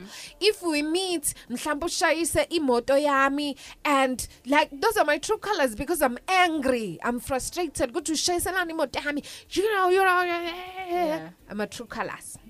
But inkinga ke kithi abantu abamnyama iqala lama sesithi ama true colors. Ama true colors right? Yeah. eh into engikholela kuyo mina ukuthi angeke uze uhlale nomuntu for like angeke uze uhlale nomuntu u u 3 years ungakawabona ama true colors akhe exactly. Akhona yiwo la kutshengisa wona. It's it's not even pretense ngoba umu- ngoba nje kade uchaza ukuthi ama true colors umuntu kade pretender all along njengamanje kusengitshengisa wona. It wasn't pretense i was just being me. I was showing you my Oh, true yeah. colors vele. Eh like winter i winter i- it has hi- i- i- iyabanda kithi. Ihlobo liyashisa iautumn mm mm mm yabo? Bese kuthi spring it's when you blossom right? Yes. so impilo yomuntu nayo ikanjalo. So ama true colors ilawo like i- i- akusiko ukuthi hayi ama true Yeah. colors ukuthi vela ngangithandi no he showed you ngisuthi uyakuthanda. Okanye she showed you ukuthi uyakuthanda. Those were also true colors akusi pretense i think thina siyathanda ukwenza opposite yama true colors ngazathi pretend Yeah. ukuthi ngahlala nawe lwandle eh for like 6 months and then after 6 months si- si- si- sikhwishana noma siqhika and then you like oh yeah. Njena-ke. ngase ngababona like i've been showing you ini? I've been Mm. showing you ama true colors ami. Yeah. So I think ke kule conversation besinayo lapha eTexini besithini besithi eh so they were saying ukuthi aya ngesishade ngoba abafana bamanje bayastudisha bafuna wona in lama true colors. Yabo not like true colors natural ones. Bafuna ama true color yabo. So bafuna ukuthi ukubone qala ukuthi eh unjani wena uhlaza. izima ayifani guys? Izima ayifani and yabo nje lento yokuhluthuka noma yokuba kuhlaza uthola ukuthi umuntu eh ngasho kanjani? Uthola ukuthi eh umuntu umcasule ngo ngo 10% Mm. Uzo actor vele uzo reactor ngo 10% 10%, yabo like yeah. hey waze wang waze wang disappoint ake yabo? But if u- u- u- u- u- u- umhethe mhlambe ngo 90% i'm like ha! Naye you yabo nazo reactor ngo 90% yabo? So Mm. it depends esimene ukuthini so izima ngeyifane all the time. Yeah. Ungangenza into and then react to it i'm like ah into encane izodlula yabo it's 10% and then mhlambe in 3 years to come wenze enye into e- e- e- leyo ke nje yabo enzima kakhulu and i react ngomzima bayo yabo bese uthi Uqinisile, oh yeah. kanti nje Kanti usuyangishiya nje." ke Yeah. 6 years down the drain because Uyangishiya. akwazi wenze le mistake oye yabo so yeah kuya ngezimo Mhm. So bese it's not fair ke ukuthi ushiye umuntu umshiyele ukuthi ureact ngendlela a react ngayo kuyinto wena oyenzile ebedinga vele ukuthi ureact ngale Mm. ndlela ureact ngayo bese uthi ke wena after 6 years yiwo ke lawo Uhlaza ma true kanje. colors kanti uhlaza kanje Ngithi yabo so Yeah. i was like no guys enye into ezosibulala vele iyona leyo into ezosibulala ukuthi siyatadisha ungathi nami ngingazazi ukuthi kusasa ngizovuka nginjani and then when you wanna come here and study me uzong how you going to study me? Ngingazazi nami. Yabo ngcono. Uzongiphasa kanjani? Ngingazi nami Uzo- uzoyithola kanjani imendlela ngcono nenursing i- i- ine ine theory yakhona ine practical yakhona. Yeah. phinde futhi ibe nani ibe what do they call this? Isyllabus yayo they know ukuthi masufike la usu- cha you are qualified nurse now. So with abantu when do you say hayi cha ngiyamazi nonjabulo. When when do you say hey ngiyamazi sifundo. Hayi ngiyamazi mfana wami usifise ke ena ngiyamazi ngqonqo yabo? You can't really say that. Ayikho into ethi mase ufike kule. Inayo into before nje seyindawo emanqampu nqampini ukuthi ukuthi sonke we are trying to find ourselves mm. umuntu Yeah. nomuntu Yeah. is waking up each and every Like day every- to like find themselves ukuthi who am I Each what I, and can every I do day. what am I capable of U- uthola umuntu edayisa amagwinya uthola ukuthi i- i- in in 4 years to come usedayisa ama scones yabona ukuthi uya advance each and every day so angeke umshiyele ukuthi ha mina ngakuthola ubhaka amagwinya okay Manje why? usawabhaka amagwinya usubhaka ama scones ayisalake like it doesn't make Okay. sense right Yeah. so ngithi ngithi mina ke balwela lokho bona ngithi mina bafethe enye into ezosibulala ukuthi eh sifuna izinto zenzeke ngendlela thina sifisa ukuthi zenzeke Zenzeke ngayo ngayo. Mm. kanti izinto kumele zenzeke ngendlela ezozenzakalela zona and then from there because you can't put time on someone marrying you Mm. Yeah. You can't. Khona abantu abahlangana u3 weeks and they're like, "No, I know this is it. Ke azish ayikhala." njengoba njengosile umakhi bese kuthi khona abanye eh abano Sophia's manje ba- bashanga 3 babies manje hey family eh, and they can they can nabo ukuthi bashade right futhi kungenzeka ukuthi bengashadi so you, never really know with these things. Angeke nje lokhu uthi ufundana nami. Ungifunda kanjani ngoba ngizazi nami? Nami angaze nami. ngiyifunde ngcono kuba umuntu nomuntu ngendlela. ehe ngcono kuba umuntu nomuntu unesitifiketi sakhe. Yabo? Thola ukuthi nginesitifiketi sami sokuthi ngiyazazi ngayifunda. And then maybe ke you can study me nawe ke ngoba sengiyifundile mina. But there's, there's nothing. Yo! Guys in sobuya ke sibone ukuthi eh ngambe bathini ke abantu emakhaya ngalo double sikhuluma ngalo kodwa njengamanje eh sekuzokwenza njani? Sekuzobumbana ke i- yagama ihora lesibili emsakazweni wakhe ACR 90.7 FM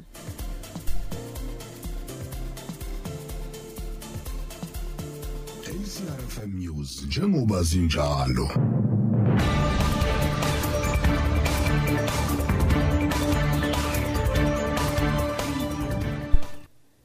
Basaba ukubulawa ngomgomo aba- abahlala emgwaqeni. Kanti ulalelwe unyendle wahlaselwa benyuka ngobuthakathi ejozini. Lezi zindaba bengamanqampunqampu gamanxa kwehora lesibili bofundela nolwandle wakandwandwe ku-acr fm ACRFM News. Zinjalo.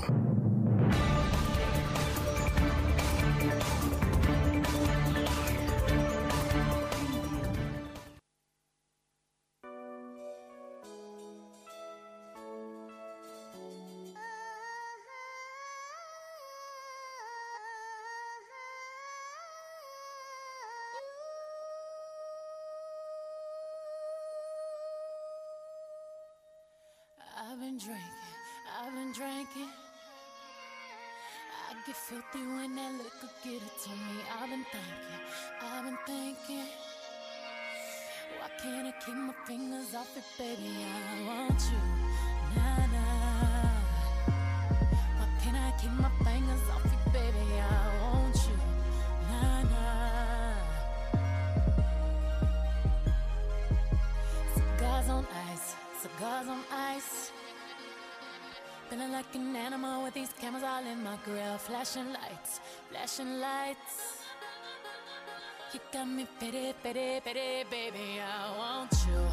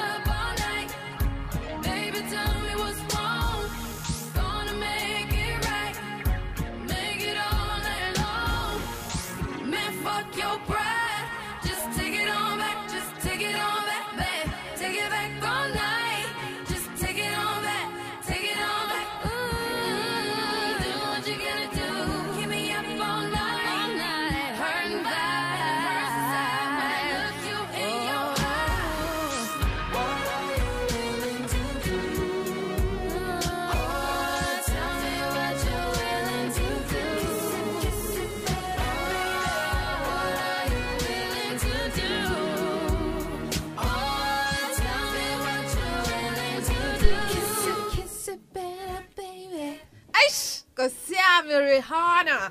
Athina athi kiss it better. Nje for that. Ngiyabona nje. you know Moss. Mo- yazi ma ma ukhuluma nje Mos Mara. Eya eya. Kina kingwana wako Pretoria. Ke tsiba maraba start ke tsiba social nguve. O tsebela hae akitsi. Ne ke tsibela fela A- a- akitsi i don't know much about anything but i know i know i know right yani kunjalo nje nkosiyami nangiyaw andile mthembe ethi i'd never I'd never allow umuntu to waste my time. Nawe uyabona nje umuntu uma ezodlala ngawe. Angalokhu ke ecasha ngokuthi uzokufunda. Yes, girl. You can always tell. you can always tell from the start ukuthi ama intentions anjani eh khona ke laphana ubani eh ubonkosi eh wakasimelane uthi no eh, thina majida kusikho ukuthi siyanfunda kodwa sisuke vele sazi ukuthi sokushada noma ngeke sikushade noma ngaba u10 years yini, uyalizwa usukazi. ke uyalizwa ke iqiniso. Eli- uyaweza ke i-true color yangempela Elimsulwa. yiyo ke le true color. Elimsulwa. ukuthi uthi wazi kodwa ubu ungibambezela. For the what? Why are you Kodwa doing ngempela. that ehene because it's not fair on me. Mhlawumbe khona umuntu ongithandayo ngilokhu ngikhuluma naye ku-whatsapp lokhu ngimtshela ukuthi ngikuyi-relationship ngikuyi but leyo relationship yami i- uyazi Uyazi umnikazi yena wayo ukuthi cha, ukuthi it's mina not gonna go angikho- anywhere. Yabo. Mm. Ayi, abafana, bafana. Bafana. Ukhona ke lapho kuthiwa that beje eh uthi usuke wazi umuntu ozomshada noma ke usuke ungenaso isiqiniseko kodwa umuzwa usuke ukhona. Usho the very same thing. Usho the very same thing. Girls, listen. Lalelani. Eh ake sibukeke laphana. Eh, udumsani eh uthini yena? Uthi no akusuke kungenjalo. Usuke nje ufuna lento eyodwa ezokunika isiqiniseko sokuthi usungamthatha. Omunye usuke engekho ready bese ke uyamlinda. Uzo umbone ukuthi cha usekulungele ukuthi ngashada we. We.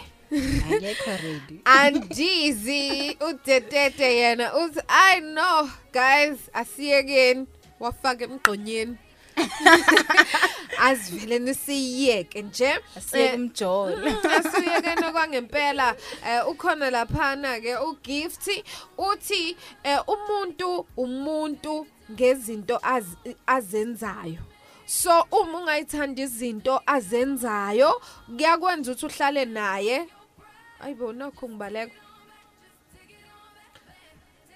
gift gift gift Okay kuyakwenza ukuthi eh, uhlale naye noma izinto azenzayo ungayithandi. Yabo? Kusho ukuthi Yeah. like things you do mhlawumbe umuntu sengayithandi mhlawumbe nethemba lokuthi hayi Usazoshintsha. usazoshintsha noma uzokhula asimnikeze Mm, u10 years. Yeah. mhlawumbe after 10 years zobe sekhathele eh unonjabulo ukumemeza and then sengamshada. Only to find. Ukuthi even after 10 years I'm, I'm still the same. Eh uyabo hlengiwe khumalo uthi my colleagues my colleagues imsebe yelanga. Eh siyabonga girls. Asethi and and cha umuntu uyambuka eh ukuthini? Uyambe uyambuka ukuthi ukuphatha kanjani eh bese ke uyakhona ukuthi uhlala naye or cha Mm. yes impatho kahle kahle Angeke phela u- u- u- uzujabulela inkomo ekubeni impatho ingekho. mhm Yabo. So, kumele u- ujabulele okuphathwa. Hayi ukuthi uzojabulisa abazali ukuthi zizile zo 11. ehe Wena kubenusha ngapha esayidini. wena usushiswa yini ke nkosi yami Awunawe yazi ukuthi kukanjani. ehe kukhona vele ukuthi uthola ukuthi abantu phambi kwabazali noma phambi Yeah. kwefamily phambi kwesonto phambi komphakathi mhlawumbe mabesebenza bobabili emsebenzini perfect couple baba eh uyabona nje bathandana but then uma eh sebebobabili. Hayibo hayibo mabe sebobabili Secourt. ababhekani uthola ukuthi nasekamereni Yeah. abalali bobabili eh uthola ukuthi banama separate bedrooms. Yeah, yabo. Eh, i- nje yeah yeah i get your point. Kuyenzeka okwangempela izinto ezikanjalo yabo. But ke a- angeke uzumfunda umuntu. You can't study a person. Khona nje wayesho ehe khona wayesho ukuthi amantombazana ayafana bafethu. Awumthwalo nje onke. Ukuthi wena uyikhethele wakho uyiqhubekele nempilo. Enazi ngeke uzumfunda umuntu even unga- ungahlala naye u20 years engashintsha. Ehene even after that i-growth. 20 years ashintsha abe yisilwane umuntu. Ngaphandle kobulwane. ukuthi thina sijaha lobu bulwane lobu sijaha Yeah. into ezimbi sometimes ngiyashintsha nje. Ngishintshele kube Uqinisile. kahle yabo a good change but i- ingam affect kahle wena Mm. ngoba usana le idea yokuthi eh i fell in love with you usathanda ukulalela untando manje Yabo, usamlaleli yini usuthanda manje? igospel kanti mina sekhona. igospel angiyithandi ah eh ngoba mina uyazi ukuthi igospel angiyithandi kodwa so i growth every Yeah. after 5 years every after 3 years umuntu akafani njengoba ade yiyo. Thola ukuthi izinto ade Uqinisile. eyithanda eh izinto that that person was interested in they're no longer interested that person yabo? So you can't say ke eh, lapho umuntu useshintshile eh uyabona wayetshengisa izinto ezwrong wakusakupretendela manje ke usuyambona kahle ukuthi cha uye nguye. Yeah. yabo? So u- growth comes every after a while. Khona abantu eh, i-growth efika in 6 months njengami nje mina in 6 months I, i don't feel like i should be doing lezi zinto engizenza i'm like what can i do? Yabo? Yeah. Ngishintshe like completely at, at 360 not even a, a 190 like a 360 uthi nje grqi but i'm still that person that you love i'm still that person that you fell in love with. Inkinga ukuthi kumele si communicate ukuthi how do we go about senzani senza lento manje ngiyabona ukuthi eh, usuthanda eh uAmanda Black kanti eqaleni ubuthanda uNtsiki Mazwai right? How can we accommodate lokho Yeah. nami khani ngiz- uma ungitshena nami ngizokhona ukwenzani ngizokhona Ngizokho- ukuthi ukureacta, ngikusurprise yes. ngalezo zinto yabo kanjalo kanjalo so i- ilokho nje you can't ukuthi ufunda umuntu that's not possible but choose your own person bese ke uthi cha uyonaka yena nje nkosami kuze kube nini? Kuze kube forever. TNS uthini? Uthi umona uhamba nentokazi ke kuthiwa umpumi.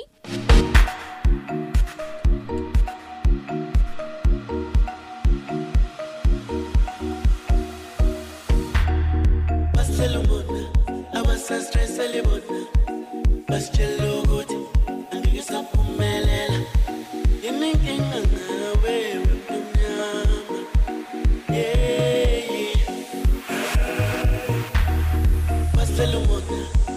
abasastressele bona basitshela ukuthi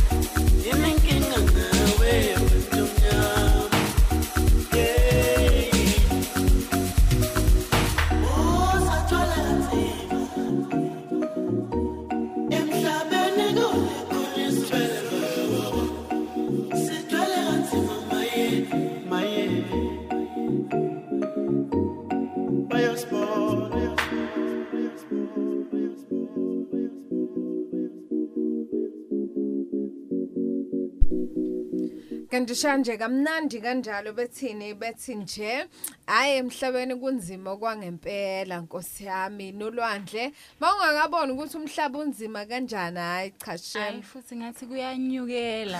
Each and every year kusuke nje kuneyinkinga zakhona ezinkulu kunalomunye unyaka. kunjalo but ke eh isikhathi yasibona sithini? Imzuzu ishagalolunye ukuthi kubumbane ihora lesithathu ekhona ku 90.7 FM but sekuyisikhathi sokuthi sivalelise. I think we had a nice time together. So hlangana kusasa kuyi Friday eh kuyi music video shooting. Ngabani ngasihle oh my god i cannot wait for that. And i hope ukuthi ama colleagues ami angisize angilekelele eh ekwenzeni lokho ngoba ngicabanga ukuthi kuzokapakela esikhatsini somunye eh so i think eh, and i hope i pray Nkosami ngoqa izandla. Yebona lento kanjalo nolwandle. Eh I I really pray because I found out that um asifani singabantu we're not the Eh, same. yes. Uh, so we can't see the way we are supposed to see. Yabo. Yeah. But ke I hope ku right ku right yonke into. Love Lwandle, wami. woza sovalelisa Siyavalelisa now. Ikuphelile ukuthi usovalelisa uhlala la egumbini nami. yazi bese kuze kuyi kuyinom nje lwandle wosovalelisa Sivalelisa. ya sekuyisoso leso sikhathi thina sesithi siyahamba. Sesiyaqhumuka ke manje Awulikhumbuli yini i- itshitshi selithi Yeah. nje. Hhayi ke, Ayesithi yakaqaba khumu. ke ithi khumuke manje. Kunjalo impela sithandwa sami. It's been an amazing day namhlanje. Eh sibonile kakhulu abantu ke be engage nathi laphana kwa social media. And think it's beautiful. It's the most beautiful thing ever eyenzakala and I just hope ukuthi kuzoqhubeka kube kanje. And I hope ukuthi transmitter yethu iyalunga. But for now please live stream live laphana kuzino.com sesha abaqulusi okanye laphana ku ACR 90.7 FM official page imsebeyelanga on ACR uzosithola futhi nakhona ke abaqulusi community radio station on Instagram la nge underscore lihle Instagram and Twitter. Silokho siqhubeka ke ne conversation kuze kube phambili. Bye bye sithando sami. Sohlangana kusasa. Bye baby. Injalo from uLondle engokondonde unonjabulo ngwakankosi ubaba mangetho wathi ngulange lihle ngoba ngenza njalo. Once behind the mic ngenza sure ukuthi uba nelanga elihle kakhulu siqhamuka ke okanye siphuma nje ngoDenise ethini ethi nje hey hey this is a beautiful remix Sure. So much for that. Just an ordinary day. Till you came around, and now my life's upside down.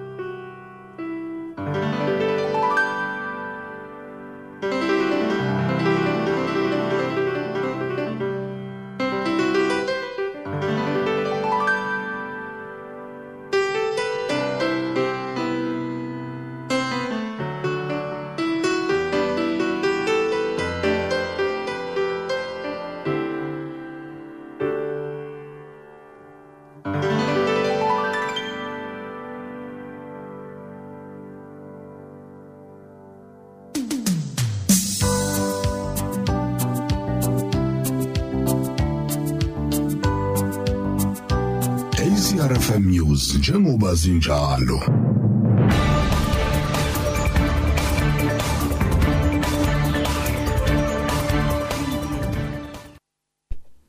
Lasha labumbana ke ihora lesithathu ufundelo nolwandle wakandwandwe sawubona mlaleli. Ulalelwe unyendlo wahlaselwa obenukwa ngobuthakathi ejozini kanti sibhekwe ngolokhozi isimo se-covid-19 kuleli. ACRFM News njengoba zinjalo.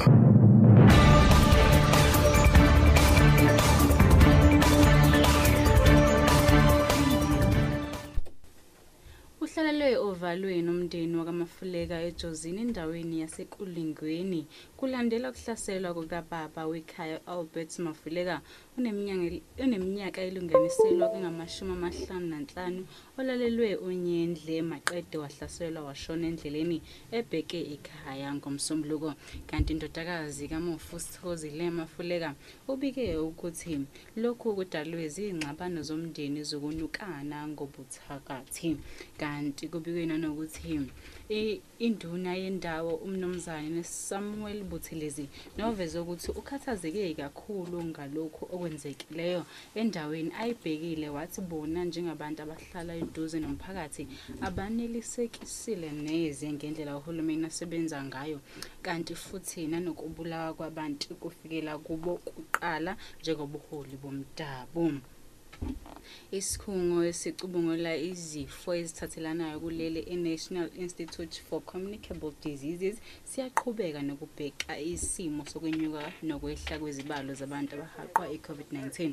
Kanti lesi sikhungo simemezele ukuthi izibalo zakamuva zabantu abahaqwe yileli gciwane ezikhishwe ngolwesibili zikhomba ukuthi bangu-10 346 abantu emahoreni abangu-24 edlula abahaqwe yi-corona. Okholela ekutheni izibalo zabahaqwe yileli gciwane zinyukele ku-2 million kanti ngokwalezi zibalo 18.6 percent wabantu abahaqwe yi-covid-19 kuleli. Kanti izibalo zakamuva ziveza ukuthi abantu ababulewe yi- izifo ezidalwa yi-covid-19 bangu-369 osekwenzeke ukuthi izibalo zababulewe yi-covid-19 zinyukele ku-79953 kanti umholi we-NFP osekuphele isikhathi eside engabonakali emphakathini unkosikazi Zanele Kamagwaza Msibi ukulungela ukukhankasela ukhetho lohulumeni basekhaya oluzayo. Kanti lokho kuveziwe yileli qembu elithi lizofolosa ngaye uma eselikhankasela lolu khetho. Kanti leli qembu liveze ukuthi unkosikazi Kamagwaza Msibi uzobonakala ezindaweni eziningi ezahlukene uma sekuqale umkhankaso wabo. Kanti sekunesikhathi sidagcina ukubonakala emphakathini unkosikazi Kamagwaza Msibi njengoba engakaza lulame ngokuphelele kusukela agula ngo-2014 kanti ukugula kwenze ukuthi unkosikazi Kamagwaza Msibi angabonakali ngisho iqembu likhankasela izinketho ezidlule. Kanti unobhala walenhlangano umnumzane Kanyan Mdletshe uthe isimo sikamagwaza sesengcono kakhulu kunakuqala. Kanti oluthelo wahlabela phambili kuleli hora ulalelwe unyendlo wahlaselwa obenukwa ngubuthakathi ejozini. Kanti eyakandwandwe intombi ithi khumuke manje. ACRFM News njengoba zinjalo.